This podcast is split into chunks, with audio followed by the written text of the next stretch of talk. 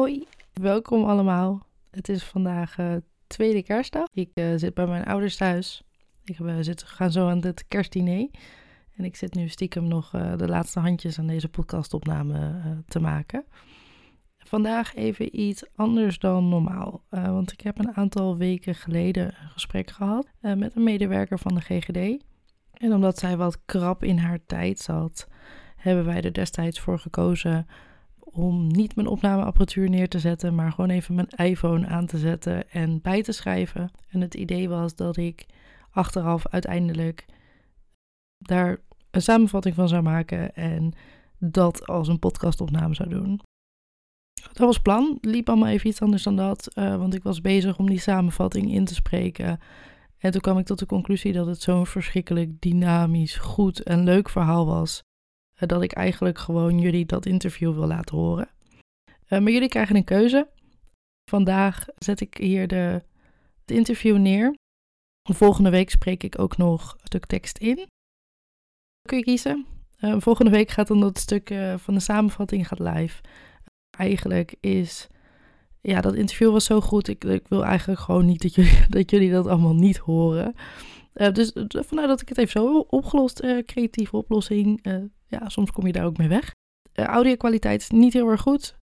Ja, vergeef me dat. Vandaar ook de samenvatting. Dan kun je die luisteren op het moment dat je denkt, nou weet je, deze audio-kwaliteit, lieve Sophie, daar gaan we natuurlijk niet naar luisteren. Nou ja, luister dan lekker volgende week naar de samenvatting. Verder nog wat organisatorische mededelingen. Ten eerste, fijne kerst en alvast een gelukkig nieuwjaar. Ik hoop dat jullie allemaal volle buikjes en goede humeuren hebben. En ja, dat jullie volgend jaar lekker weer naar de Real Inside Sexwerk podcast gaan luisteren. De solo-aflevering was met een medewerker van de GGD, waarin uh, het onderwerp sekswerk uh, centraal staat en seksuele veiligheid. Ik heb het in de vorige podcast al benoemd, maar zet het dinsdagochtend in je agenda. Om de twee weken is er dan een nieuwe aflevering. En daarnaast heb ik heel erg leuk nieuws. Namelijk, er staan een aantal hele leuke podcastgasten op de planning. Zo spreek ik 4 januari een gigolo, gespecialiseerd in tantra. En 11 januari reis ik af naar het zuiden voor een gesprek met de zelfstandige escort Lisette. En daarna spreek ik met Wendy, die een belangrijke rol speelt in Belangenvereniging van Sekswerkers. Um, de opname met de Gigolo is te horen op 10 januari, met uh, Lisette op 24 januari en die van Mandy is te horen op uh, eh, 7 februari. Um, dus dit wil je echt niet missen. Dus zet, uh, zet de meldingen aan bij je favoriete podcastplatform. Uh, en ga ook de podcast volgen, dan uh, mis je niks meer. Um, kun je natuurlijk ook gewoon even de podcast gaan volgen op Instagram. Dat is ook gewoon een snelle klap. Um, voor nu, zometeen straks het interview met. ik ben de naam kwijt. Harriette.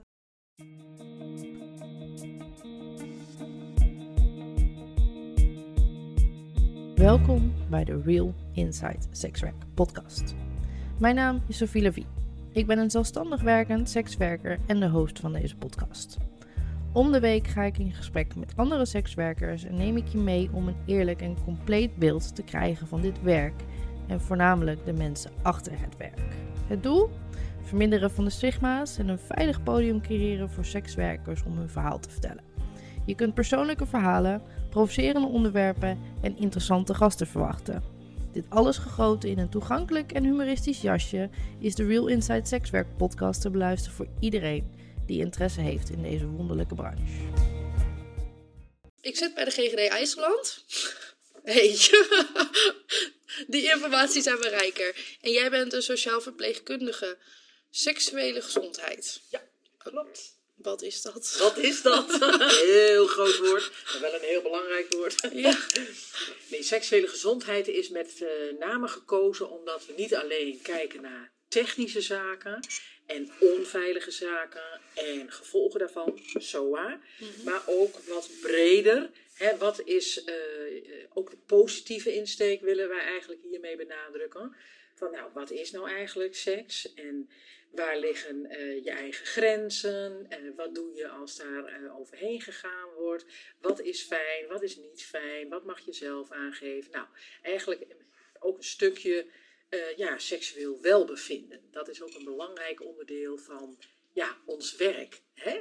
En als we daar dan signalen over krijgen tijdens een consult, dat je daar dan op ingaat. Op ingaat. En niet alleen kijkt, oh maar even wachten, je wou een SOA-test, hè? Mhm. daar eh, ben je hier nou voor en de rest laten we liggen. Nee, dan, dan hebben we daar ook oog en oor voor. Dus eigenlijk ehm, het bredere onder, onderwerp van seks. Ja. Niet alleen de seksuele gezondheid, maar het seksuele welbevinden Ja, van. ja precies, dat eh, heeft met elkaar te maken. Hè? Ja, En ik heb naar je visitekaartje zitten spieken. En toen zag ik staan: prepzorg, MSM en sekswerkers. ja. Help, wat is wat? Ja. Vakjargon. nee, het is eigenlijk zo dat eh, ons werk is vooral ook ingericht eh, naar doelgroepen. Ja. En die doelgroepen die worden bepaald, of zijn bepaald door het RIVM slash VWS. Hè? Dus daar richten wij ons op. Ja. Vandaar ook dat je als verpleegkundige ofwel één aandachtsgebied hebt of verschillende. Dat ligt een beetje aan je aantal uren dat je werkt. Maar ik heb me altijd vanaf begin gericht, onder andere op de sekswerkers. Dus toen ik hier begon, was daar helemaal niets voor. Dus hè, vandaar eh, toch toen een begin. En ehm, daarnaast de mannen seks met mannen, want dat staat voor MSM. En dat wil Ah. niet zeggen eh, alleen maar homomannen. Nee, ook eh bimannen, maar ook heteromannen. Dus iemand die zich heteroseksueel eh, voelt hè, en zich ook zo duidt als man, maar wel eh, daarnaast of soms seks heeft met mannen. Hè, dus het is een hele grote groep Ja, en het gaat erom, man heeft seks met man. check. Check. Maar Nou. wel alle queer eh, vakjes precies, tegenwoordig. ja, is dat ja. die brede groep. Is dat veel breder? Ja, klopt. En eh prepzorg, dat staat voor, eh, ja, prep is eigenlijk kortweg gezegd de HIV-pil, hè, dus de anti-HIV-pil eigenlijk, die je kan nemen Ja. om op die manier geen HIV op te lopen. Hè, dus het is geen behandeling van HIV, want je probeert juist HIV te voorkomen en dat noemen we de preppil. Hè, prepzorg via de GGD. Ehm, dus als ik naar jouw visitekaartje kijk, je richt je dan op de sekswerkers, de MSM, die ik nu dus inderdaad snap. Ja, ik snapte die echt niet. ja. En dan de anti-HIV-pil.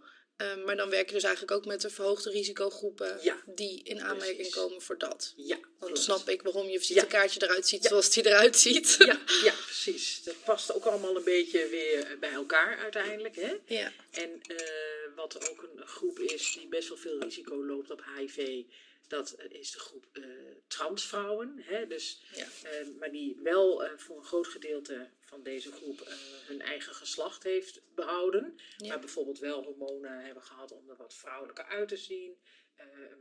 borsten hebben laten zetten, hè, of hoe je het noemen wilt. Maar toch met name seks hebben met mannen. Hè? Maar zich wel meer thuis voelen in een wat vrouwelijk Lichaam. Ja, Ja. Dus, en ja, dan gaat het dus inderdaad om het risico op HIV. Dus komt deze groep ook zeker in aanmerking voor, eh voor pretmedicatie. Ja, Want ik heb een bekentenis te doen. Ehm, mijn algehele kennis over dit onderwerp is echt idioot laag. dat is helemaal niet erg hoor. Ik ben natuurlijk zelf ook sekswerker. Ehm, en toen begon ik hiermee. En toen had ik geen idee van risico's. Of hoe ik me kon voorbereiden. Of eh, daar kom je gaandeweg. En dat is het lastige van dat vak. Vaak achter. Mhm, ja, Ehm. vaak door ervaringen. Ja. Ja, Eh, Ja. Dus jij vertelt mij dit nu. En nu mijn eerste gedachte was: oh, is er een anti-HIV-pil? ja, ja, ja. Nou, die kan ook inderdaad eh, goed zijn voor mensen die in de sekswereld werken. Ja. Alleen eh, is dat per GGD soms anders geregeld. Hè? De, wij zijn ook een GGD die. eh, we zitten op dit moment helemaal vol qua quotum. Hè? Het aantal mensen die we in prepzorg mogen hebben. Ja. En dan verwijzen we door naar de huisarts. Hè? We hadden recent ook een eh, dame die werkt ook in de seksindustrie en die wilde heel graag aan de prep. En eh, nou, die hebben we bijvoorbeeld in samenwerking met de huisarts aan prep eh, geholpen. Want zij deed bijvoorbeeld ook heel veel gangbangs. Ja, en dan loop je wel wat meer risico natuurlijk. Want wanneer heb je een verhoogde kans op HIV? Eh, met name als je veel onbeschermde anale seksuele contacten hebt. Want dan is de overdracht op HIV het grootst vanwege het wat, wat meer bloedingsgevaar tijdens anale seks. Terwijl je dat niet altijd merkt op dat moment. Dat je misschien wat ja, eh, ja, bloedverlies hebt anaal. Door de beschadiging van het sekscontact op dat moment van de kleine haarvaartjes in dat gebied. Dat, Ja. dat is het eigenlijk. Ehm, en de mannen waarmee je dan als sekswerker seks hebt, ja, zijn dat inderdaad altijd heteroseksuele mannen? Of zijn dat ook mannen die mogelijk met mannen seks hebben? Ja, En dan zit daarin eh het verhoogde risico. Oké.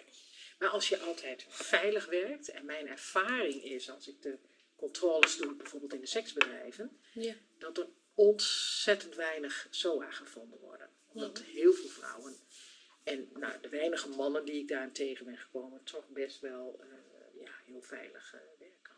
Want als ik mezelf als voorbeeld neem, Mhm. als ik roep ik werk veilig, Ja. dan eh, ik neem veiligheid als integraal onderdeel. Dus ik Ja. Bedoel ook mijn mentale eh, gezondheid, maar ook mijn, mijn lichamelijke Ja. gezondheid. Ja, Eh, maar als ik zeg ik werk veilig, dan pijp ik met condoom, dan heb ik seks met condoom. Eh, klopt. en vermijd ik op wat voor manier dan ook lichaams, Lichaamssappen. sappen. Ja. Zit ik, ehm, als, als ik van een, een klant de vraag krijg, mag ik over je heen spuiten? Ja. Ik noem maar wat. Ja.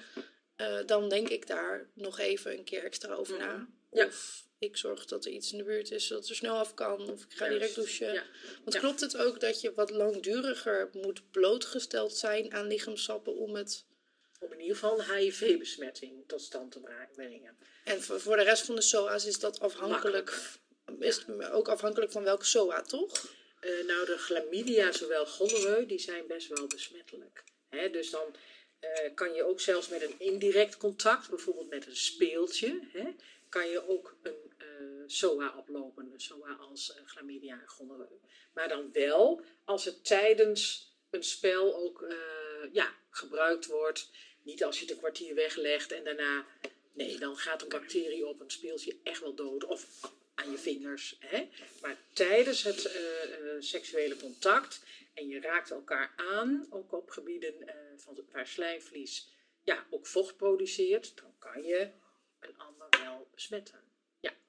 Ja. Ondanks dat je dan op dat moment condoom gebruikt. Hè? Ja. Maar dan kan je toch, maar dan heb je de hoogst mogelijke ja, voorzorgsmaatregelen genomen. Mhm. Maar 100% gegarandeerd nooit SOA oplopen, ja, dat, Dat heb, je dat heb je niet. nooit. Nee.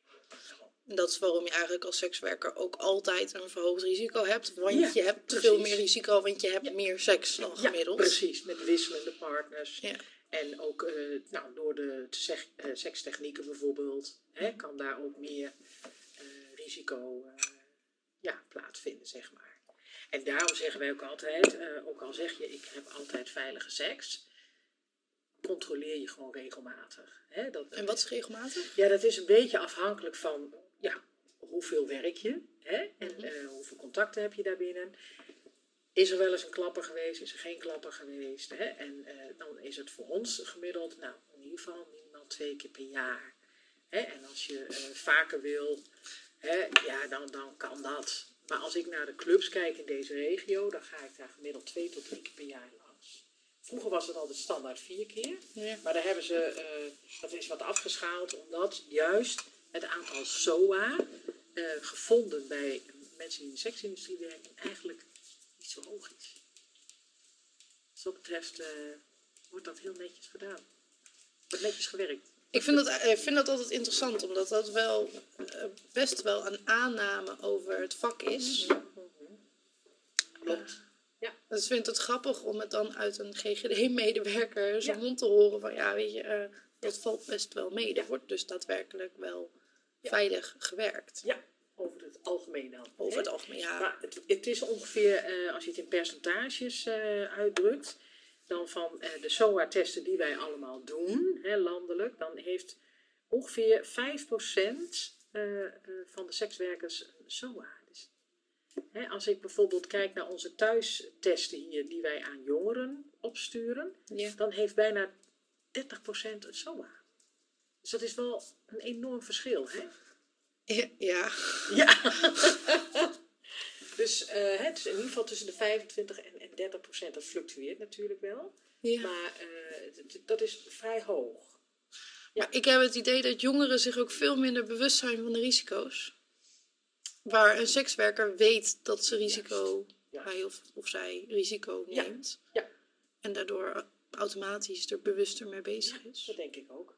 En eh, kijk, een, een, een, eh, sekswerkers kunnen ook zelf een vaste relatie hebben. Hè? Ja. En die willen dan eigenlijk ook die vaste relatie eh, beschermen tegen een SOA die ze via het werk meenemen. Ja. Hè? En je ziet vaak ook dat sekswerkers juist een SOA oplopen, niet binnen hun werk, Maar in de, precies, Ja. ja. Ja. Want dan is het vaak zonder condoom. Ja. Ook is, al is het, ik noem maar wat, een one night eh, stand. Ja. Of zeg ik dat goed? Een Ja. one night stand. Een one night Ja, ik had hem. Maar goed, hè? Dus ja, dan, dan is het dus niet via de route van het werk. Maar, hè? Ja. En daarom is het dan ook belangrijk van, hè, laat je in ieder geval een paar keer testen per jaar. Want ja, je kan dat vanuit je privé juist weer meenemen naar je werk. Ja. Dat, eh, En dan heb je de pop aan het dansen, want je Dat wil kan. dat, dat stigma niet, niet nog, Nee. nog vergroten. precies. Ik zou ook inderdaad, als ik voor mezelf spreek, nooit, ehm, nooit iets door willen geven. Nee, precies, hè, dat, ja. moet ja, ik heel eerlijk bekennen dat ik me echt wel heel erg regelmatig test. Want ik ben in mijn sekswerk dus heel erg veilig. Ja. Ehm, waar ik dat in mijn privé echt alles behalve ben. precies. Ja. Wel, juist omdat ik mijn sekswerk heb, heb ik in mijn privé vaak de behoefte om de controle een Juist. beetje los te laten. En Juist. Ja. wat meer te genieten. En eh, juist door mijn werk associeer ik condooms met werken. Dat is echt heel naar. Ja, ja. Ik kan me heel goed voorstellen. Ja, Want dan wil je eens een keer met je hart in plaats van met je hoofd. ja, wat meer. Ik sta sowieso heel veel met mijn hart ook in mijn sekswerk. Maar daar Ja. ben ik een uitzonderlijk geval in, denk Ja, ik. oké. Nou, ja, Ja. dat kan. Ja, Ehm, dus daar, dat merk ik dat ik dat ik, ik neem in mijn privé heel veel risico. Ik swing. Eh, ja, oh ja. Ja, ja, ja. ja, dat zijn eigenlijk zou er een apart GGD eh, eh, eilandje moeten bestaan voor swingers. Ja, maar swingers kunnen zich ook testen, hè? Ja. Alleen is het dan ehm, voor de vrouwen die swingen als zij sekscontacten hebben met mannen die ook seks met mannen hebben. Eerder was het helemaal los, was het losgelaten, dus alle swingers die mochten zich gewoon bij de GGD testen. Nou, ik kan je vertellen, dat was een enorm aantal binnen deze GGD eh, wat wij eh, als klanten hadden. Hè, de swingersafdeling Ja. eh, bijna. ja. Maar toen werd ook gesteld van ja, eigenlijk vinden we daar in verhouding toch minder SOA. Dus we richten ons op een deel van de swingers. En dat zijn eh, mannen, swingers, mannen, die met mannen seks hebben. En vrouwen waarvan... De mannen ja, seks hebben. Een beetje ingewikkeld allemaal, maar... Nee, ik, eh, ik snap hem, Dat, want ik eh, ken dat segmentje inderdaad Ja. in de swingerswereld. Ja, ja, er lopen ja. nogal wat biseksuele mannen Ja, in die precies. wereld rond. En dan ben je als vrouw natuurlijk ook Ja. meer blootgesteld aan risico. En ja, kom je gewoon voor een test. Nou, En dat heeft dan weer eh, ehm, ermee te maken dat er een verhoogd risico is bij onbeschermde anale seks. Precies. En welke SOA's gaan daar het meest... Welke zijn dat? Ja. Dat is chlamydia en dat is. Dat zijn eigenlijk de twee SOA die je bij de meeste risicogroepen, die wij dan zien, sowieso treft. ja. En de syphilis, die zie je dan wat meer bij de mannenseks met mannen. En heel, heel af en toe in de swingerswereld, maar dat is meer zelden dan, dan regelmatig. Mhm. En eh, onder de sekswerkers heb ik het geloof ik in 22 jaar dat ik het werk doe, één keer meegemaakt. In deze regio, hè? Ja, Ik spreek dus niet van eh, andere, Andere regio's. dat die werken ook niet met elkaar samen. Nee, niet altijd. Kijk, wij hebben wel onze contacten met bijvoorbeeld Twente Mhm. hè, en, en soms met de GGD in Gelderland, omdat we onder één grote regio vallen. Maar elke GGD is gebonden aan ja, een aantal gemeenten, zeg maar. Ja. Eh, en ik heb bijvoorbeeld wel weer contact met een collega in Drenthe. Omdat we soms gezamenlijke cliënten hebben. Oké. Hè, dus dan hebben we wel contact. Want dan geeft zij door, goh, ik ben daar en daar in die club geweest, heb ik iemand getest. Maar die komt eigenlijk uit Zwolle, kan jij die even behandelen? Prima. Wel uiteraard altijd met toestemming eerst. Maar dan regelen we dat op die manier. Ja, Oké, ik denk dat ik een redelijk compleet beeld heb van wat jouw werk is. Wat op zich nog best wel een verhaal is. Ja. Ehm, want naar de sekswerkers. Ik neem mezelf elke keer als voorbeeld. Ja. Ehm, want eh, zoals ik net ook al zei, ik ben redelijk een onbesmeurd blad Ja. hierin. Ja. Het is verschrikkelijk lastig om je informatie hier uit te halen. En die, die eh, ja, vallen en opstaan, je wegvinden, eh, die heb ik ook gehad. Ja. Ja. Ehm, want ik ben namelijk begonnen als escort. En dan word je als escortbureau word je ook helemaal niet geadviseerd over condooms. Nee? Voor je... Oké. Ook Juist. testen en zo en waar? Nou ja, ik, heb, ik, eh, ik, ik was al drie jaar sekswerker toen ik tot de conclusie kwam dat ik me bij de GGD kon laten testen. En dat moest ik horen van een collega. Oh, dat is wel bijzonder. Terwijl ik destijds al verschillende exploitanten gehad had. Ja, ja, ja, ja. Oké. Dus daar, daar- Want die zouden jou daarop kunnen wijzen, lijkt mij. Ja, escortbureaus hebben natuurlijk niet de GGD-controles. Nee. Waar jullie inderdaad altijd eh, Ja. de clubs langs gaan. Ehm, dat die hebben escortbureaus hebben dat niet. Nee. En ik, ik vind dat ze daar een stukje informatie verzaken. Maar Ja, dat eh, lijkt me ook. ik had het heel fijn gevonden als ik eerder had geweten dat ik me zo makkelijk kon laten Ja, testen. precies. Ja, voor hun eh, goede naam zou het ook helemaal niet meer staan als zij eh, hun medewerkers regelmatig adviseren: hé, laat je testen. Ja, Dan weet je ook wat is je SOA-status. Ja. Dus dat is voor de inzet ook weer beter. Je kan beter SOA-vrij zijn en dat ook weten, ja dan eh, dat nooit vertellen en niet weten wat er allemaal gebeurt. Hè? Dat zeker. is ook een stukje veiligheid, hè?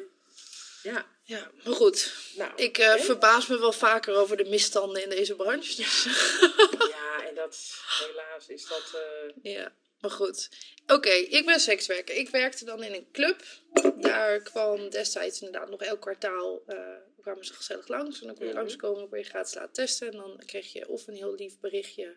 Er is iets mis mis- mi- met je. Als je niks hoorde, dan was het goed. Zoiets was het. ja, ja. Dus daar heb ik een aantal keren aan meegedaan. Ehm, maar je kunt ook op locatie je laten testen. En dat geldt voor alle GGD's. Klopt dat? Ja, ja, ja, ja. En het zal per GGD een beetje anders eh, geregeld zijn.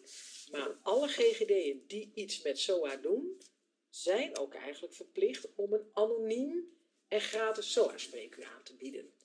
En eh, dan hoef je echt niet aan de lijn eh, altijd uitgebreid te vertellen hoe en wat. Mhm. Maar ehm, ja, in het consult wordt er dan een beetje op doorgegaan van, hè, nou, hè, wat is er allemaal aan de hand, wat eh, risico's loop je en dan kan je gewoon volledig getest worden.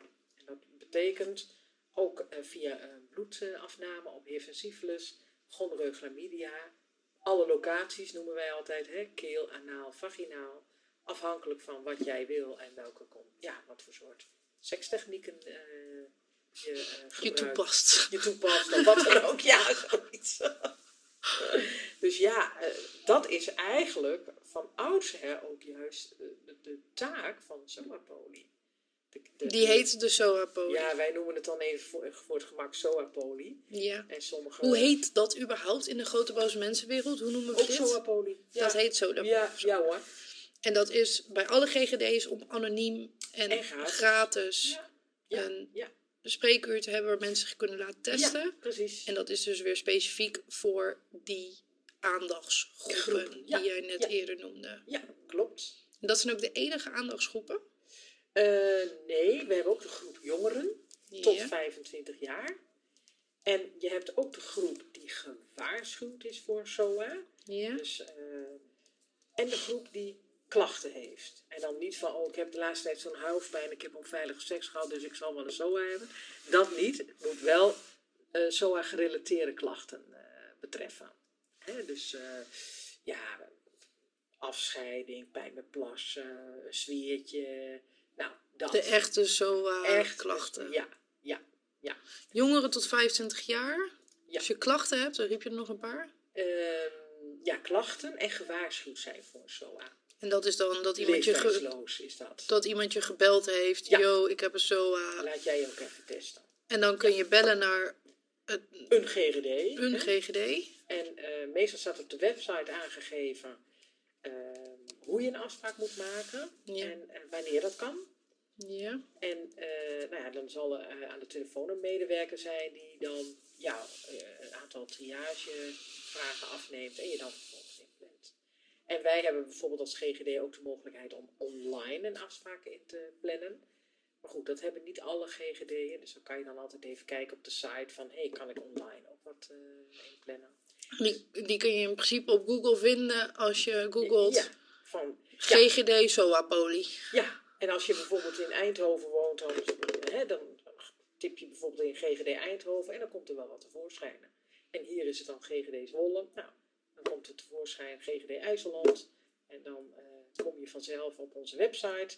En daar staat ook een tabblad uh, seksuele gezondheid. Nou, daar valt alles uh, in te vinden onder dat hoofdstukje, zeg maar. Ja. En nog even verder op die seksuele gezondheid. Ja. Jij zegt net iets met, met integraal, mag jij zeggen? Ja, tuurlijk. Ja, ja. ik vraag het. Ik ben goed opgevoed. Nou. net, net meisje. Ja, ja. Of, ja, of net een meisje. Nee, ja, ja. Ah, ook, niet, ook niet altijd. Oh, oh. Gelijk een heel net meisje. Ja, ja. Um, die seksuele gezondheid, welke pijlers vind jij daaronder vallen? Uh, Met betrekking tot GGD, jouw werk en wat de GGD kan betekenen voor mensen daarin. Uh, nou, in ieder geval ook een stukje uh, preventie in de zin van uh, informatie geven, voorlichting. Ehm, maar ook een stukje begeleiding. Hè, als er wat nou, vraagstukken spelen rondom je seksuele gezondheid. Uiteraard het testen en behandelen. Dat vind ik een hele belangrijke. En ja, misschien ook het ehm, signaleren van bepaalde uh, problematiek hè, binnen een regio, in dit geval bijvoorbeeld uh, onze regio. Ja. Hè, daar komen heel veel SOA voor. Nou, dan vind ik dat je dat moet signaleren als polykliniek. En aan, ja, ergens onder de aandacht moet brengen. En daar zijn we dan bijvoorbeeld druk mee bezig. Dat vind ik wel een heel belangrijk iets. En ook dat seksuele gezondheid is van iedereen, is voor iedereen belangrijk. Hè, het is niet alleen maar uh, denken in problemen, maar, uh, maar ook juist niet in taboes. Dus het moet meer, meer bespreekbaar worden. En duidelijker ook ja, in visies van gemeenten en dat soort dingen terugkomen. En dan kom je ook wel weer uit op uh, informatie, voorlichting wat dan ook. Het begint niet op de middelbare school met condoom leren omdoen. Dat is belangrijk. Het begint eigenlijk op die basisschool. Hè? Hoe ga je met elkaar om? Wat is nou verliefd zijn? Ja. Hè? En als iemand aan jou zit, vind je dat leuk of mag je er wat van zeggen? Hè? Op een spelende wijze duidelijk maken van, ja, wat is seksuele gezondheid? En hoe gaan wij ook relationeel met elkaar om? Ja. Dat lijkt me een flinke taak. Is het ook. Heel grote taak. Ja. En ook soms vechten tegen de bierkaai. Ja, maar, dat kan me voorstellen. We leven juist nu in de tijd van al die toestanden naar hashtag MeToo. Ja. Zijn die je wil zijn en mag zijn, dat vinden we belangrijk. En nou ja, uh, het niet over elkaars grenzen heen gaan. Ja. Nou, we hebben sinds kort uh, weer eentje erbij uh, met Matthijs van Nieuwkerk. Het is niet altijd seksueel, maar het is ook op ander gebied. En dat heeft weer te maken met welzijn, je goed voelen.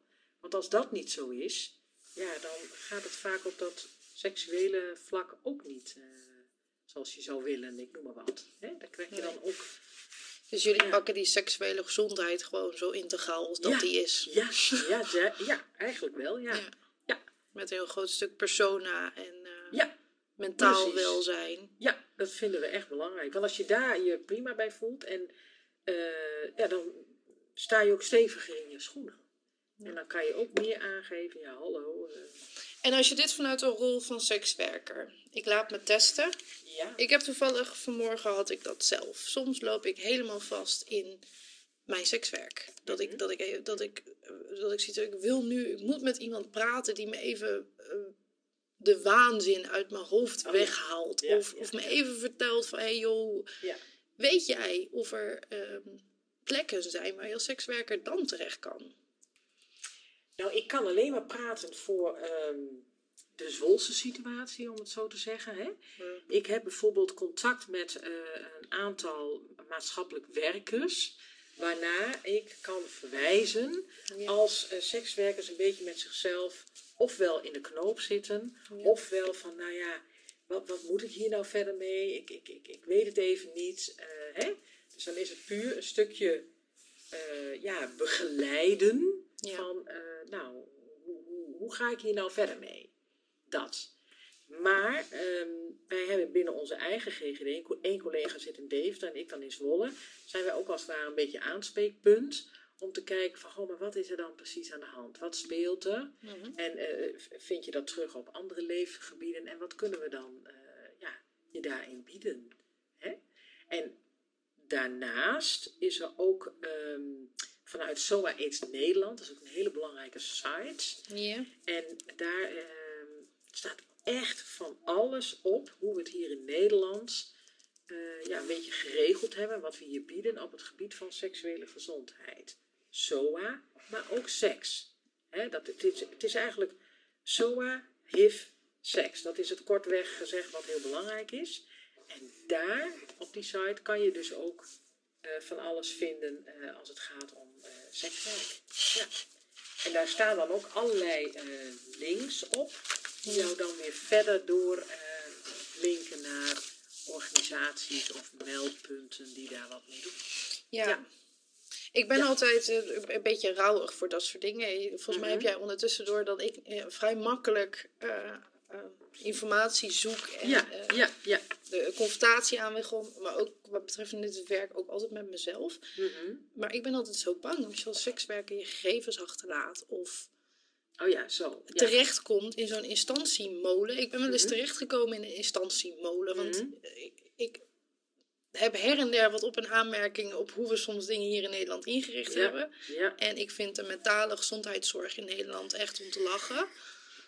Eens. Ja, niet altijd. eh, ja, veel hokjes, veel eh, loketjes. En een diagnose voordat je behandeld mag Ja. worden. Of Ja. wachtlijsten van zes maanden. Ja, ja, klopt. Ik heb daar nogal wat op aan te merken her en der. Ook uit er- eigen ervaring. Ja, Waardoor ik ondertussen ontwikkeld heb van ja, als je hulp nodig hebt, ook niet, niet hard roepen. En nee. regel nee. het dan inderdaad zelf maar. Maar daardoor creëer je wel dat, ik vind, de, eh, de sekswerkers is al best wel een kwetsbare groep. Mhm, Er komen vaak toch wel kwetsbare mensen in terecht. Ja, ja, ja, klopt. ehm, die dan eigenlijk tegengehouden worden om ehm, dat wel de hulp te zoeken die ze her en der toch wel Ja, nodig hebben. ja, en dan is nog maar de vraag, hoe wordt dat dan opgepakt? Hè? Ja. Ja, ja. Maar wat is jouw ervaring daarin? Nou, ehm, kijk, dat was uiteindelijk ook waar ik enorm tegenaan liep toen ik dit werk ging doen. Hè? Eh, want ja, je- wilde iets voor de sekswerkers ook betekenen mee, als, hè, als er bepaalde vraagstukken waren. Anders dan alleen maar op die SOA-testen. Maar waar kon ik ze naartoe verwijzen? Dat was er amper. En van daaruit ben ik in contact gekomen met een aantal eh, maatschappelijk werkers.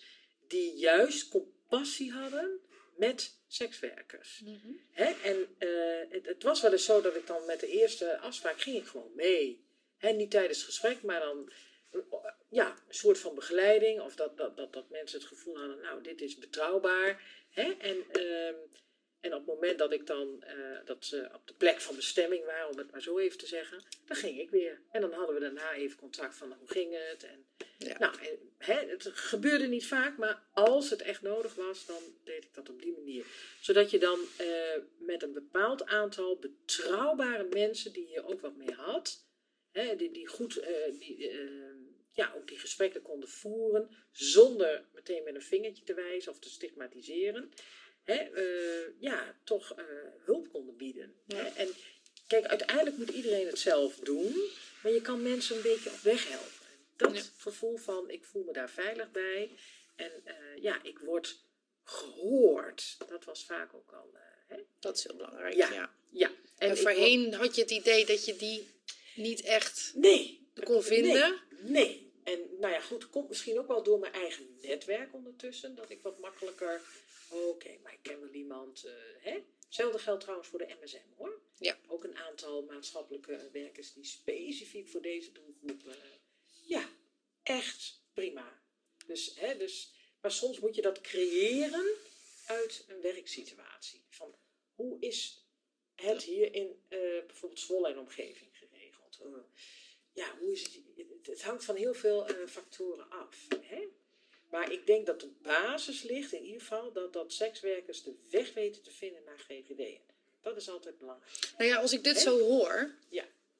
dan hoor ik van... hé, hey, als ik nou eens gewoon een keer tijdens zo'n zo'n spreekuur... waar ik regelmatig heen ga, maar ik ga dan Ja. Apeldoorn... Ja. ehm, had aangegeven... ik ga niet helemaal lekker. Mijn sekswerk loopt eigenlijk ook niet helemaal lekker. Ik begin Ja. vast te lopen op andere segmenten van mijn leven. Ja. Als ik dat eens had durven zeggen... Ja. had ik wellicht een stuk verder geholpen kunnen worden. Ja, want ik weet dat ze daar ook juist. eh, ik, ken, ik kan je daar zo'n verpleegkundige noemen die daar eh, ja, juist ook haar aandacht aan geeft. Dus dan, dan eh, ja, dat, dat had gekund. Maar ik kan mij ook voorstellen, andersom, vanuit jou gezien. Je gaat naar zo'n GGD, je, je komt daar voor een test. Dan ga je ook niet zomaar alles eh, ja, ineens op tafel leggen. eh, hè? Soms Ja. is er ook een soort van eh, vertrouwensband eerst nodig Mhm. om, om ja, dat Dat ook, eh, ja, en je voel je prettig bij iemand, eh, hè? Ik bedoel, ja, sommige vrouwen in deze regio, die ken ik al twintig jaar, hè? Dus dan, dan, maar dat wil wel, juist wat zeggen, dat je dus door eh, elkaar te leren kennen en te leren vertrouwen, Mhm. hè, dan, dat, dat, he- dat ze veilig zijn bij mij en alles wat ik van hen hoor, dat ik daar niet zomaar wat mee ga doen of wat dan ook, alleen in overeenstemming met eh, ja, de, Ja. de sekswerker zelf. En Kunnen we stellen dat de meeste GGD's die instelling hebben? Eh, nou ja, ik, daar ga ik eigenlijk wel van uit. Ja, maar dat is gewoon onderdeel van je werk als verpleegkundige. Hè? Dus eh, ja, dan hoor je dat eh, te, te bieden. Ja, als GGD. Oké, ja, je kunt natuurlijk. Maar ik vind het lastig om eh, voor heel Nederland... Nee, ja, ik, ik durfde hem ook. Ik zei hem heel voorzichtig. Kijk, weet je, mijn podcast is natuurlijk voor. Ja, ehm, en voor sekswerkers, maar ook gewoon voor mensen die interesse hebben in deze branche. En Ja, dat zijn ja. veelal mensen die ergens interesse hebben om het wellicht ook te willen gaan doen. Ehm, en die zitten door heel Nederland. ja. Ja. Dus ik kan wel vertellen, hé hey joh, deze beste vrouw, die heeft de beste bedoelingen. mhm.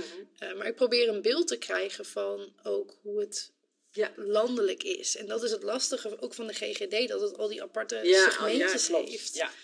Maar als het goed is, heeft elke GGD... Sommigen hebben een apart spreekuur voor sekswerkers hè, in de loop. Ja. Dus, eh, hè, en ik, ik, als dat op hun site goed vermeld staat, dan denk ik wel dat je ervan uit mag gaan dat je eh, goede professionals treft. Ja. Oké. En wij hebben zelf natuurlijk eh, als eh, verpleegkundigen ook landelijke terugkomdagen.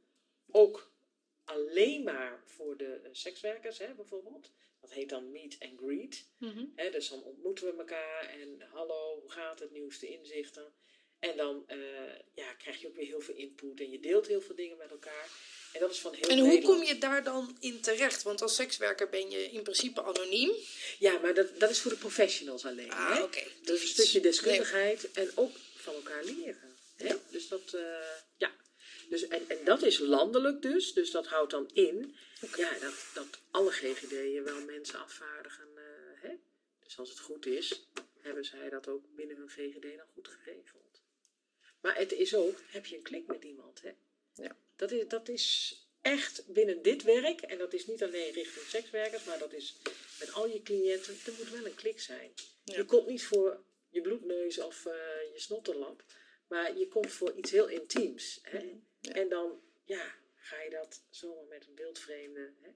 Dus- Ja, en ik kan me dan voorstellen als je een MSM bent. Of een, Ja. eh, dat je dat makkelijker doet omdat er minder stigma zit op wat, wat jij doet. Ehm, seks met mannen is al meer getolereerd in onze maatschappij dan bijvoorbeeld sekswerk. Dat is, maar binnen de MSM-wereld gaat, is ook een enorme wereld van allerlei scenes. Ja. Dus ook daar eh, wil je niet weten hoeveel taboe daar nog is. Ja, ik, ik krijg daar af en toe iets van mee, inderdaad. Echt hoor. En zeker als het dan gaat om, stel iemand krijgt HIV, ja, dan hebben we nog bijna net zoveel stigma als 20, 25 jaar geleden. Onvoorstelbaar vind ik dat. Nou ja, weet je, ik denk zelfs wel eens, Nederland is eigenlijk ontzettend verpreutst. Ik ben zelf een twintiger geweest in de jaren tachtig. Mhm. Wat ik nu soms hoor van jongeren, dan denk ik, hoe is het mogelijk? Dat hadden wij helemaal niet. Het was helemaal niet zo gedoe over van alles en nog wat. Het, Toen mocht er tenminste nog over gepraat worden. Ja, precies. Dat was helemaal niet. eh, en en eh, ik bedoel, ja, als je als meisje lekker eh, ging eh, eiland hoppen in Griekenland en je had daar eh, leuk. joh, dan was het eh, lachen geblazen. Maar stel dat je dat leert, dan ben jij als meisje bijna slep. Hallo, maar die jongens dan? Dan Ja. denk ik, hè? Wat is dit? Hè? Dus ja, een stukje vrijheid, we hebben dat hier natuurlijk echt wel. Maar juist op dat gebied is er mijn zinziens weer ingeleverd. Dan denk ik, Ja. oké. Ja, Ja, wat wel heel bijzonder is. ja, precies. Ik ben wel heel blij met de ontwikkelingen die nu gaande zijn. Waarbij inderdaad de, de lastige onderwerpen steeds meer op tafel komen. Ja. En ook steeds normaler worden om te bespreken. Juist. Ik, ik, heb, ik heb een polyrelatie. Ja. Ehm, Dat heb ik natuurlijk Ja. aan mijn ouders moeten Ja. vertellen, ooit een keer. Ja. Eh, nou ja, leg dat maar uit aan je ouders. Ja. En gisteren was het Sinterklaas. We waren met het gezin Sinterklaas aan het vieren. En ik zat met mijn broers en zussen aan tafel. Oh ja. Allemaal rond mijn leeftijd. Oh, Poli. Ja, daar snap ik nog niet zo heel veel van, maar vertel eens. Ja. En dat is de eh, ontwikkeling die, die ik nu heel veel gaande zie. Dat er steeds meer gepraat wordt over Ja. onderwerpen die we niet snappen. Precies. Met een wat opener vizier. Ja. Waar mijn ouders letterlijk zeggen: Denk maar niet dat hij welkom is met kerst. Oh ja. Kop in het zand. Ja, ja, ja. Ik vind dat zo karakteriserend. Als ik gewoon alleen naar deze situatie kijk. Als ik kijk naar wat er gebeurt in de maatschappij. Vind ik zo herkenbaar. Ja, ja, ja, ja, ja, ja, dat klopt. En dat helpt soms ook wel om je eigen persoonlijke situatie een klein beetje in te kaderen. Oké, dit, ja, ja, ja. dit is niet hun schuld. Dit is Nee, ook de nee, maatschappij. dit is hoe zij zijn opgegroeid. Precies. Maak het wat klein dan, hè? Ja. En eh, ja, weten dat zij ook misschien in een heel andere sfeer eh, ja, ook zijn opgevoed, opgegroeid en een weg hebben gevonden. Ja. Dat is, ja, hè? Maar ik denk wel, maar dat geldt ook voor maatschappij breed, hè, dat we gewoon veel meer ook naar elkaar moeten luisteren. Hè? Niet meteen, oh, hier vinden we weer wat van. En dan krijg je 10 miljoen meningen. Maar luister nou eens even naar die ander. En Wat, wat heeft hij nou precies te... Waarom doet hij dat? Nou, hè, er zal een reden voor zijn. Ja. Ja, en niet zo, nou ja, bijna veroordelend. eh, Hè? Nou, Ik vind het wel heel grappig om te zien dat- hoe jij aangaat op dit onderwerp. Ik herken dat. Ja, nee, maar ik ben altijd al een beetje een recalcitrante type geweest misschien. Ja. En ehm, ik, toen ik mijn opleiding deed tot verpleegkundige, dat heb ik in Utrecht eh, gedaan, HBO. En toen mochten we zelf een project doen. Maar het moest wel met je vak te maken hebben. Toen zei ik, nou, ik weet wat ik wil. Ik wil het over prostitutie hebben. Ja. Huh? Ja, want daar hebben wij raakvlakken mee. Maar wat dan? Nou, ik zal je vertellen, ik ben letterlijk de wallen opgegaan om te horen van, jongens, wat kunnen wij als verpleegkundigen nou doen? Wat, waar hebben we raakvlakken? Er was niks, er was helemaal niks. Er was totaal geen Wat informatie. kwam daaruit? Ehm, nou, uiteindelijk kwamen wij bij een, eh, dat heette, ehm, oh, hoe heette dat? PIP of zoiets? Ja. Prostitutie Informatiepunt, dat was toen net nieuw of zo. Ja. En daar, en de rode draad. Die is Daar niet meer. die, die, maar precies, maar die was het toen wel. Ja. En daar heb ik uiteindelijk heel veel informatie eh, van uitgehaald. En we hebben een rondleiding gehad van een bekende acteur Ja. die psychologie had gestudeerd in Amsterdam. Afgestudeerd was eh, nou ja, binnen de situaties van de wallen en over die situatie. En die heeft ons toen als groep rondgeleid. En heeft ons alles in en out verteld. En toen dacht ik, hé, hey, oké. Wat doet die GGD Amsterdam hier dan met testen en wat dan ook? Hè? Is dat outreachen? Moeten vrouwen ergens naartoe? Mhm. Nou ja, toen. Maar goed, ja, toen afgestudeerd van alles en nog wat gedaan. En toen kwam ik bij de GGD terecht. Toen dacht ik, het eerste wat ik ga doen is eh, voor de prostitutie iets betekenen. Hè, dus eh, testen mocht hier niet eerst. Want ja, het was nogal een behoudende GGD. Maar ik heb het gewoon gedaan. Alle exploitanten gebeld. Willen jullie mij eh, binnenlaten voor het testen van de, van de dames? Allemaal unaniem ja. Ja, de meeste Ja. exploitanten. Die willen juist. dat. Ja. Die willen dat gewoon. En, hè, en als je zegt het is anoniem, ik, doe, ik werk niet met politie, niet met de justitie, niet met de belastingdienst. Nou, was prima. Ik blijf het bijzonder vinden dat ik nu zo met jou in gesprek ben. Dat ik steeds meer het gevoel krijg, in elk geval van jou.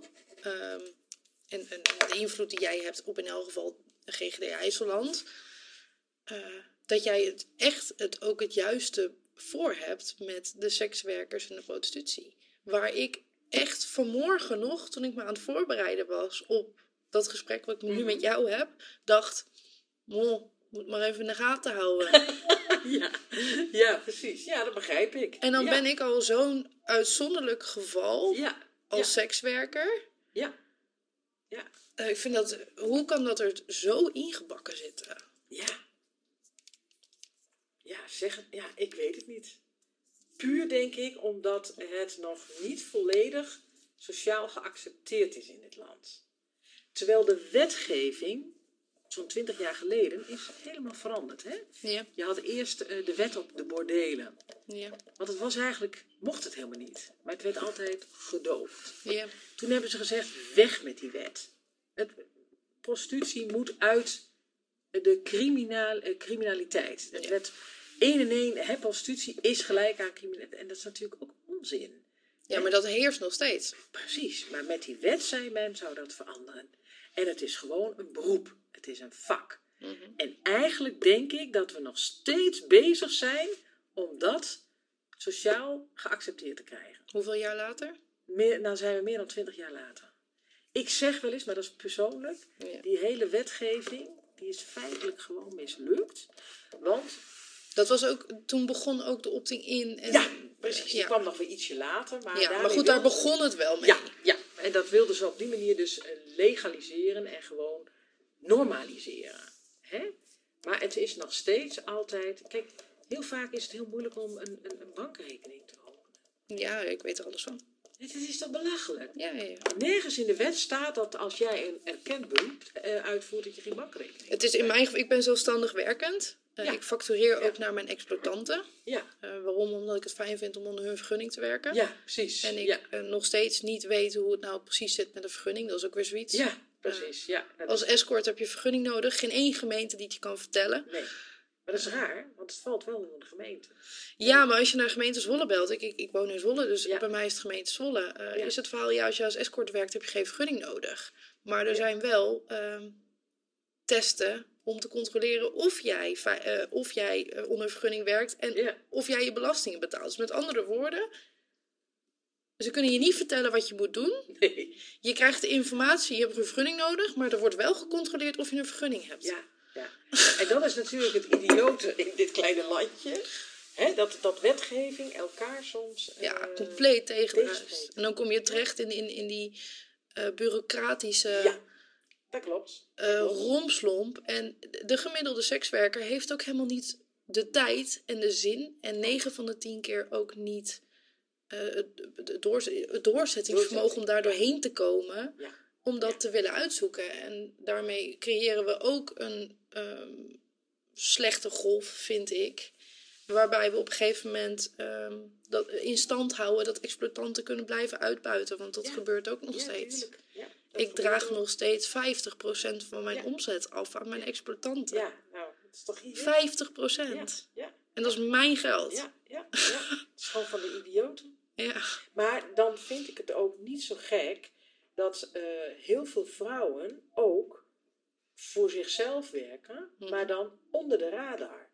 Ja. En dat zien wij dan allemaal terug op kinky.nl bijvoorbeeld. Hè? Ja. Want daar zitten wij ook regelmatig op. Zo van, dan sturen we mailtjes of sms'jes van... hé, hey, als je je wil laten testen, je kan bij ons terecht. En, hè? ja, ik Ja. heb er laatst ook een gehad. Ja? Ja. Nou, dat was waarschijnlijk voor het inlopen spreekuur. Ja. Ja, ja. Nee, ik vind het heel tof om dat te krijgen. Ja, ja nou dat, eh, hè. En dan, maar dan denk ik, ja, ik, ik snap dat wel. Mhm. Om van al dat gedoe af te zijn. eh, hè. Ook al is het dan misschien niet je volledige baan. Of doe je dat er deels bij bij een andere baan. Ja. Dat maak ik ook heel veel mee. Hè. Ik doe dit gewoon twee weken, of twee dagen per week. En de rest, eh, Ja, Hè? dat is natuurlijk gewoon normaal Ja. werk. ja. Ja. Ja.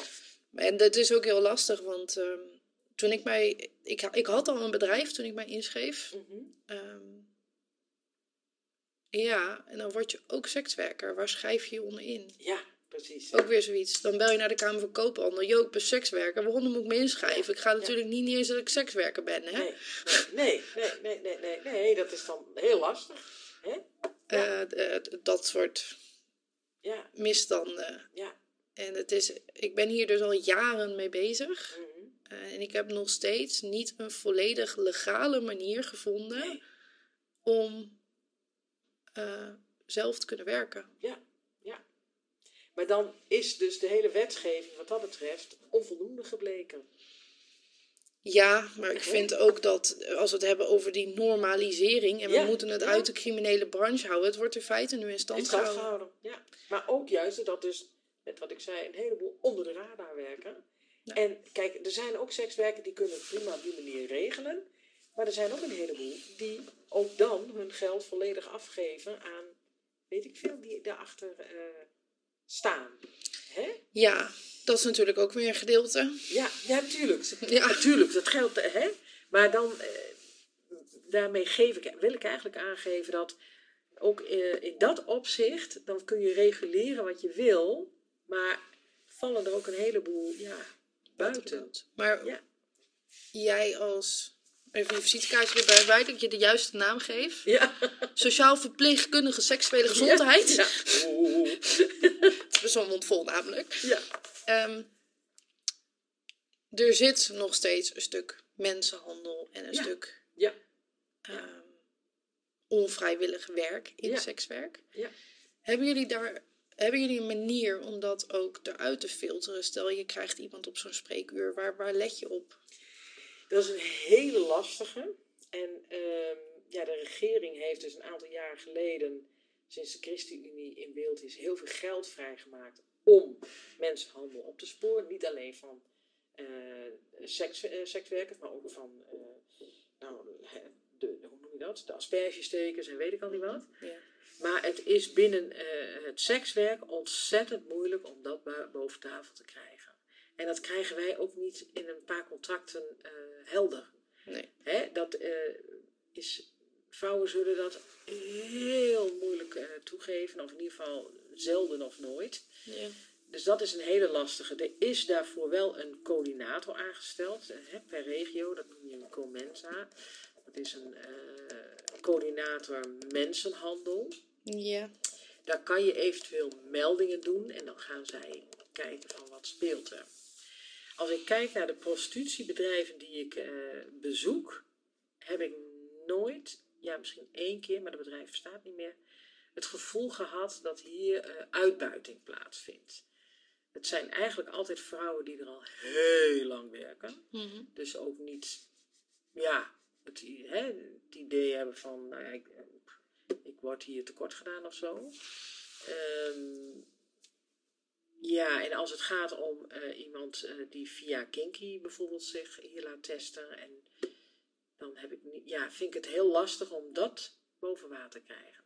Ja. Ik heb het wel eens gehad met een soort onderbuikgevoel van eh, vrouwen uit voormalige Oostbloklanden, dat ik dacht, hé, maar dit is hè, niet oké. Mhm. En dan kan je eventueel een melding doen. Maar wanneer doe je dat?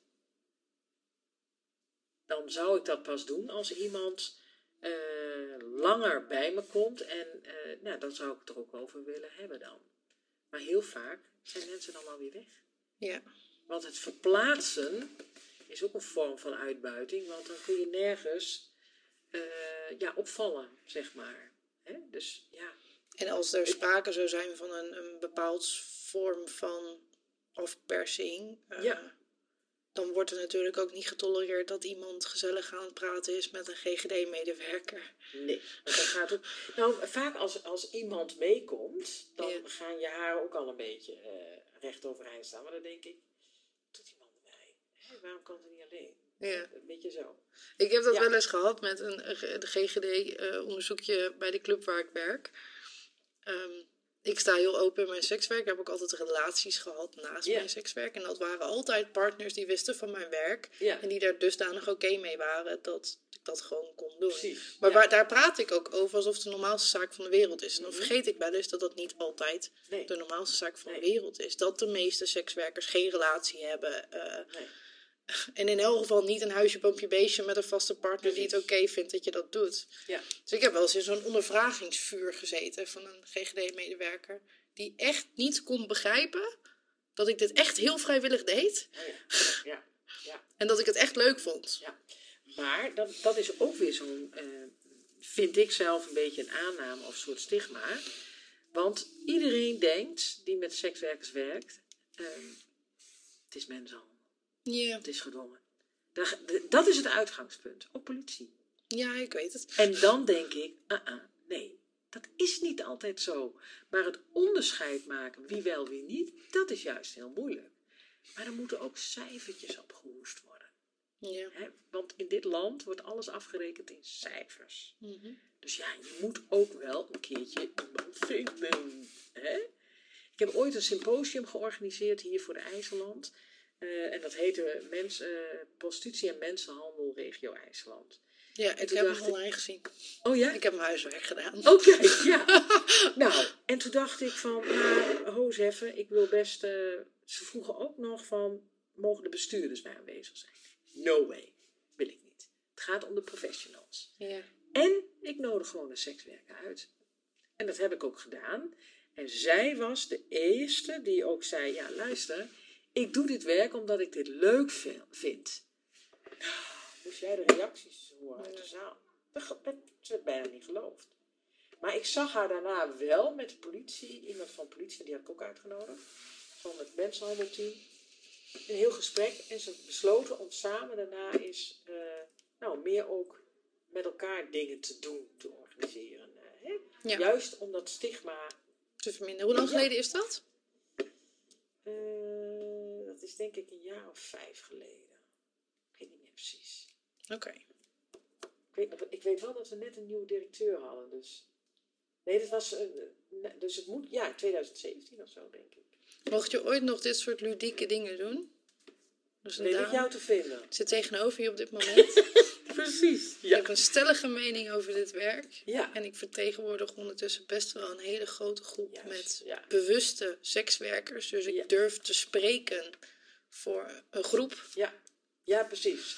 Ehm, dat is ook wat de, de podcast moet gaan doen. De bewuste sekswerker die het voor plezier doet, die Ja. wil ik in beeld brengen. En ik wil alle thema's echt wel bespreken. Daarom ga ik nu ook het onderwerp mensenhandel niet uit de weg. Precies. Ja. Ehm, maar ik moet wil niet leidend zijn. de nadruk wil ik liggen op het feit dat er een steeds groter wordende groep met mensen is die hier bewust voor kiest. Juist. Om de juiste motieven. Ja, ja, dat denk ik Omdat ook. we het leuk Ja, vinden. En dat is mijn indruk ook. Ja. Want tijdens de bezoeken aan de prostitutieclub, daar hebben we het er ook wel eens over. Hè? Dan zeg ik ook wel eens, nou joh, maar ben je al een beetje bezig met je pensioen of zo, weet je? Mhm. Op die manier, hè? En, eh, oh nee, ik vind dat veel te leuk. dan is het zo'n gesprek, weet je wel? Maar dan krijg je ondertussen wel bepaalde informatie. Waarvan ik denk, nou, hè? Het is toch wel alleen maar leuk als je het op die manier wil doen. En ook Ja. gewoon eh, dat als je baan ziet. Hè? Wat, wat is daar mis mee? Hè, maar dan is het voor, eh, in dit geval de vrouwen zijn eigenlijk gewoon vrouwen hoor, die ik ontmoet. Maar goed, zo van een opluchting om ook eens een keer eh, op die manier erover te kunnen praten. In plaats van het negatieve beeld. eh. Ja.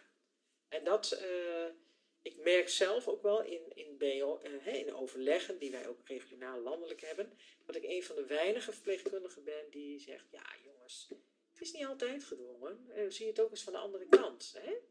Want dat is, ja, voor hulpverleners vaak, professionals, ja, die denken te veel vaak, vind ik, in, in de problemen. Ja, maar je bent, wordt vanuit jouw vak ook veel geconfronteerd met de problemen Dat die er is, zijn. maar dat wil niet zeggen dat het altijd een probleem Ja, een Ja. probleem is. Kijk, er zijn ook, is ook een grote groep MSM, die komen heel vaak, hebben altijd een SOA. Ja, voor wie is het probleem dan? Voor ons of voor die... Het is het punt dat hij even van zijn eh, SOA afgeholpen moet worden. Ja. Maar het is, snap je? Dus een beetje wat luchtiger zien. Ja. Maar goed, dat is eh, misschien ook niet professioneel. Dat kan ook natuurlijk. eh. Nou, ik eh, ben erg blij om dit te horen. Ja, ja, nou ja, hè, dat, Eigenlijk. Ja, ja, ja. ja. Ik heb nog een vraag. Ehm, ja, we hebben redelijk in beeld wat jij doet, wat de GGD doet. Ja. Wat ik me afvraag. Je bent beginnend sekswerker. Je gaat er een checklistje bij langs. dit moet ik regelen, dat moet ik regelen. Ehm, heb jij bepaalde tips hoe sekswerkers hun, eh, hun werk überhaupt veiliger kunnen inrichten? En dan bedoel je veiliger in de zin van hoe kun je eh, het liefst geen op? Je mag hem zo breed maken als je wil. Ja. Als je er een stukje algehele seksuele gezondheid Ja. wil meenemen, mag dat ook. Ja. Want dat neem ik, ik, ik. Als ik kijk naar. eh, ook als ik, de, de- de naam van deze podcast gaat. Eh, gezondheid worden met Oh ja. GGD. Ja, Dus ik wil ja, dat stukje mentaal ook meenemen. Eh, maar inderdaad ook. ehm, dat je geen massageolie met je condoom moet gebruiken. Ik noem maar wat. Ja, ja, ja, ja, ja, maar wat, wat, waar denk je aan van, hey, dit zijn tips, hiermee kun je je eigen gezondheid als sekswerker vergroten? Ja. Nou, kijk, eh, uiteindelijk is dat zoals je iedereen zou adviseren over gezondheid in het algemeen. Hè? Maar specifiek sekswerkers, dan denk ik, hè, nou, als je gaat beginnen met sekswerk, eh, kies op een gegeven moment toch een moment van dat je een keer een bezoek aflegt aan de GGD. Mhm. Hè? En ehm, ja, om ook te kijken van wat zijn je ervaringen nou op dat moment, waar loop je tegenaan. Eh, maar ook een stukje van, nou, wat zijn nou vrij veilige technieken? En dat je ook eh, voor jezelf uitzoekt van, ja, waar kan ik goede, betrouwbare informatie vandaan halen? Hè, voor mij als sekswerker. Ik zou zelf dan verwijzen naar uh, SOA AIDS Nederland. Dan hoef je niet eh, ehm, iets achter te laten, maar je kan daar wel eh, informatie ophalen. Hè? Ja. Van wat, wat is nou eh, wat dat betreft goed voor mijn werk. En als het gaat om eh, mentaal, dan denk ik, nou ja, goed, je, je kan best dingen tegenkomen eh, binnen je werk. Je, je kan ook hele bijzondere verzoeken krijgen van, eh, van klanten. Hè, van, ik wil dat je dit met me doet of dat met je. Hè. Wees daarop voorbereid. En ook van, wat wil je zelf? En hè, binnen welke grenzen eh, wil jij je werk ook doen? Een stukje mentale Ja, weerbaarheid. want ja, je kan ook, ja precies, een stukje weerbaarheid. eh, hè? Maar ook ehm, ja, soms ook wel in het onderhandelen. hè? Want ook klanten proberen op de kamer nog wel eens te onderhandelen met je. Nou, ben je daar goed in? Eh, wat heb je daar nog voor nodig? Eh, hè? En als je het niet kan scheiden, eh, hè, dus kijk, jij, jij kan heel goed erover praten, ook binnen je privé, maar kan je dat privé niet? Kijk of je toch iemand in je omgeving kan vinden waarbij je, of aan wie je verhaal kwijt kan. Hè, dat je een soort backup hebt. Mhm. Want ja, als je het allemaal bij jezelf houdt en, en je kan het nooit een keer delen, ja, dat is ook voor je ja, mentale gezondheid gewoon uiteindelijk ook funest. Hè, want dan kan je tegenaan lopen, je komt in de knel, eh, misschien ga je gebruiken, hè, want ja, binnen eh, de seksindustrie wordt ook eh, drugs gebruikt. Wees je daarvan bewust, het kan je aangeboden worden, wil je dit, hè? dat. Dat je er echt bedacht bent, dat soort dingen. Het is natuurlijk niet alleen maar romantiek. Hè, maar, ja, en zorg altijd voor je eigen veiligheid. Kijk, in een bedrijf weet je, je kan op een knopje drukken en dan hoop je maar dat er iemand op tijd komt. Maar als je thuis werkt in de prostitutie, eh, ja, wie is daarvan op de hoogte? Hoe, hoe, wie laat je binnen? eh, hè? Ja, wees je daarvan bewust. Heb je een escape? Eh, hè? Dat soort dingen. Ja. Grappig, ik ga aan op je. Ik ga zelf aan op wat je zegt. Mhm. En Dat heeft niks met mijn podcast te maken, maar dat Nee. ik. Ik had zo graag gewild dat iemand me dit verteld had toen ik begon met mijn sekswerk. Ja, ja, dat kan ik me voorstellen. Want ik heb me zo, zo verschrikkelijk lang, zo verschrikkelijk eenzaam gevoeld. Oh ja. Omdat je het ja, met niemand kan delen en je alles zelf moet oplossen en je kunt geen informatie vinden. De voornaamste reden waarom ik die podcast begin. Ehm, want de- die vijf zinnen die jij net zegt, hadden mij drie jaar aan ellende kunnen besparen. Ja, precies. Ja, ja, ja. ja, en ik zie zelf als verpleegkundige daarin ook een taak als het gaat om inderdaad de cliënten die je hebt die als sekswerker werken. Dat is gewoon een belangrijk onderdeel in je gesprek.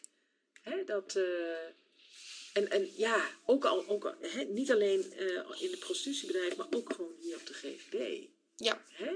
En ik vraag er ook altijd naar van. Hè?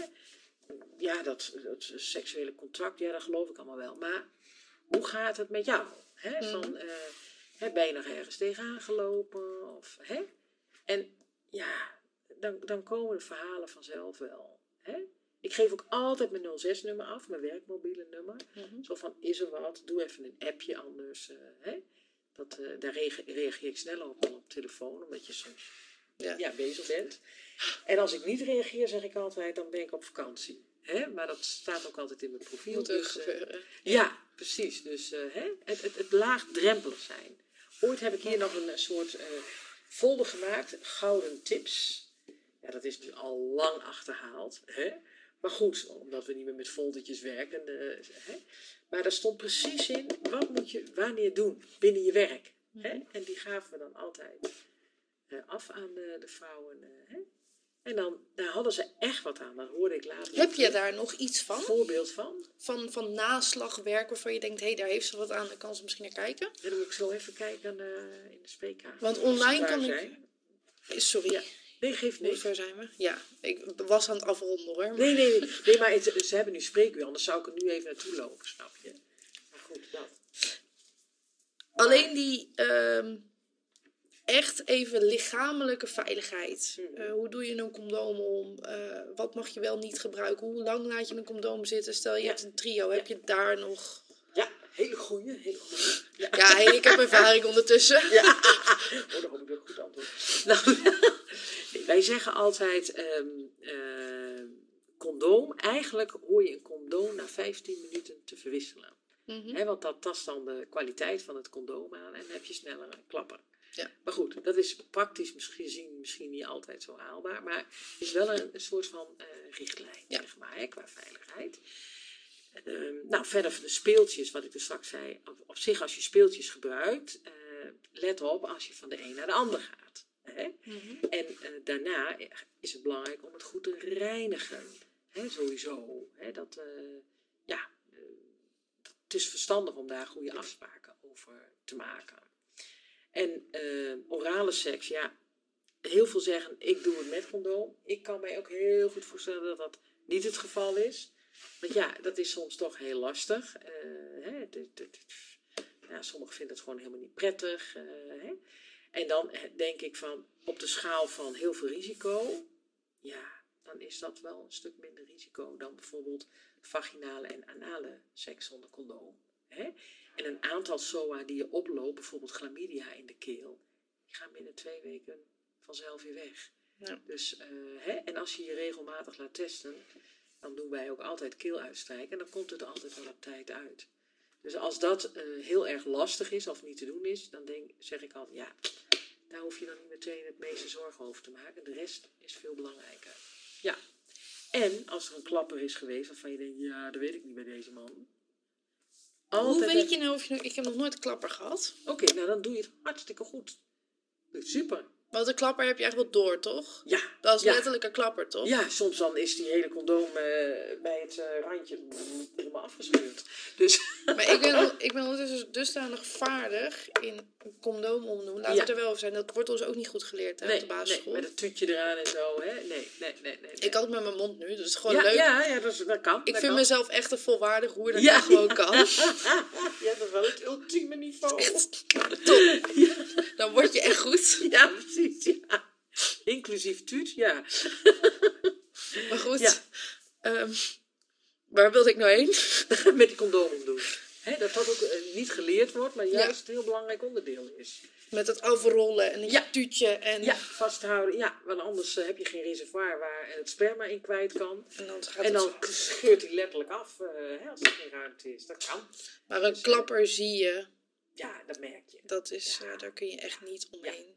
Ja, en eh, er zijn ook wel situaties, althans die heb ik dan in de praktijk wel meegemaakt, dat een condoom helemaal afgegleden was, zelfs zoek of een deel nog eh, in de vagina zat. Mhm. Ja, dan, dan is het proberen dezelfde uit te halen. Meestal gaat dat wel hoor. Maar raak nooit in paniek. Hè? En haal desnoods een, een, een collega erbij. hè? Sommigen kunnen dat doen als in een club werken. Ja. En eh, neem even contact, want dan kunnen we even afspreken wanneer er dan een test wordt gedaan. En beppies? Beppies op zich, eh, dat kan, hè, ehm, maar dat is ook prima. Maar probeer dan eh, wel ook regelmatig te verwisselen. Hoe Hè? vaak is regelmatig? Ja, dat ligt ook een beetje aan eh, hoe heftig eh, je ongesteld bent, hè, als je het eh, tijdens je menstruatie gebruikt. Ja. Dus, eh, maar in ieder geval wel om de zoveel uur, eh, ik zeg altijd tussen de twee en vier uur, dan moet je dat wel wisselen. Ja. Ik heb één situatie meegemaakt dat een vrouw dacht dat het oplosbaar was, een beppie. En die had gedurende de ongesteldheid eh, zo ongeveer de hele voorraad beppies erin gepropt. Die natuurlijk niet oplosten. En eh, die had eh, daarna een fikse baarmoederontsteking. Is allemaal weer goed gekomen, maar toen zei ik ook van ja, je moet echt regelmatig verwisselen. hè, ook al merk je zelfs niet dat je doorloopt of wat dan ook. Sorry, ik mag hier niet om lachen hoor. Ik moest hier wel een klein beetje om lachen. Nou, je weet, ik heb het gezien. Dat is echt... Maar peppies zijn sowieso horror. Ja, ja, dat kan ik me voorstellen. Ik heb Ik je eh, hebt ook van die cupjes, hè? Die je er omheen kan doen. Dat, dat, dat heb ik heel wisselende verhalen over gehoord. Maar Maar het is sowieso, überhaupt, alles wat je erin stopt is niet fijn. om je menstruatiebloed tegen te houden, Ja, is niet fijn, nee, dat klopt. vind ik. En je zit ook niet rustig eh, van... eh, Ja, maar je denkt ook dat je klant het door heeft. Ja, ja, precies. ja. Ja, ja, dat kan. Dat kan. De vraag is of hij dat inderdaad altijd door heeft. Maar... En anticonceptie, dat is natuurlijk ook nog een Oh, veiligheid. hè? zo'n Dat, onderwerp. eh, dat bespreek ik ook altijd. Want ik verbaas me er altijd weer over dat er toch een deel gewoon geen anticonceptie gebruikt. Want ik gebruik toch condoom. Ja, maar die kan klappen. Oh. Dus ehm, ja, dat is echt denk ik wel iets eh, om goed over na te denken. eh, hè? Ja. En als dat moeilijk te regelen is, dan kunnen wij dat hier via de GGD ook doen. Ja. En dan kunnen we voor een pilrecept bijvoorbeeld uitschrijven. En een spiraaltje plaatsen, dat doen wij niet, maar we kunnen wel bemiddelen. Dus Ik hoor Ja. sowieso veel bemiddeling in eigenlijk alles wat je mij vertelt. Lijkt de GGD een fijne plek waar je als sekswerker heen kan mhm. om te onderzoeken waar je Ja. eventueel Ja, daarna heen ja, kan. precies. Ja, ja, ja. Nou, kijk, weet je, een, een, een spiraaltje brengen, dat kan ook gewoon de huisarts doen. Hè? Maar als je eh, bijvoorbeeld geen huisarts hebt, of, of je hebt daar geen goed contact mee, eh, en je kan ook niet een, bijvoorbeeld een verwijzing naar de gynaecoloog daarvoor regelen, dan hebben wij hier met de uh, Stimezo-kliniek, ja, dat is dan wel een abortuskliniek, maar die doen ook aan geboortebeperking. En die regelen dan eh, dat jij een spiraaltje ingeplaatst kan krijgen. Dus dat hè, heel laagdrempelig en eh, ja, prima. En zo'n spiraaltje, dat blijft wel een jaartje of zeven zitten, geloof ik. Nou, zeker ben ik niet meer op dit moment, merk ik. Nee, zeven jaar volgens mij voor Mirena. Ja. Resume. Heb je nog iets toe te voegen? Nou, het was heel uitgebreid, hè, lijkt mij. Nee, dat is juist heel goed. En ik denk dat het heel belangrijk is om, om dit eh, voor en door sekswerkers keer te realiseren, denk ik. Ja, heel goed. Check. Ja.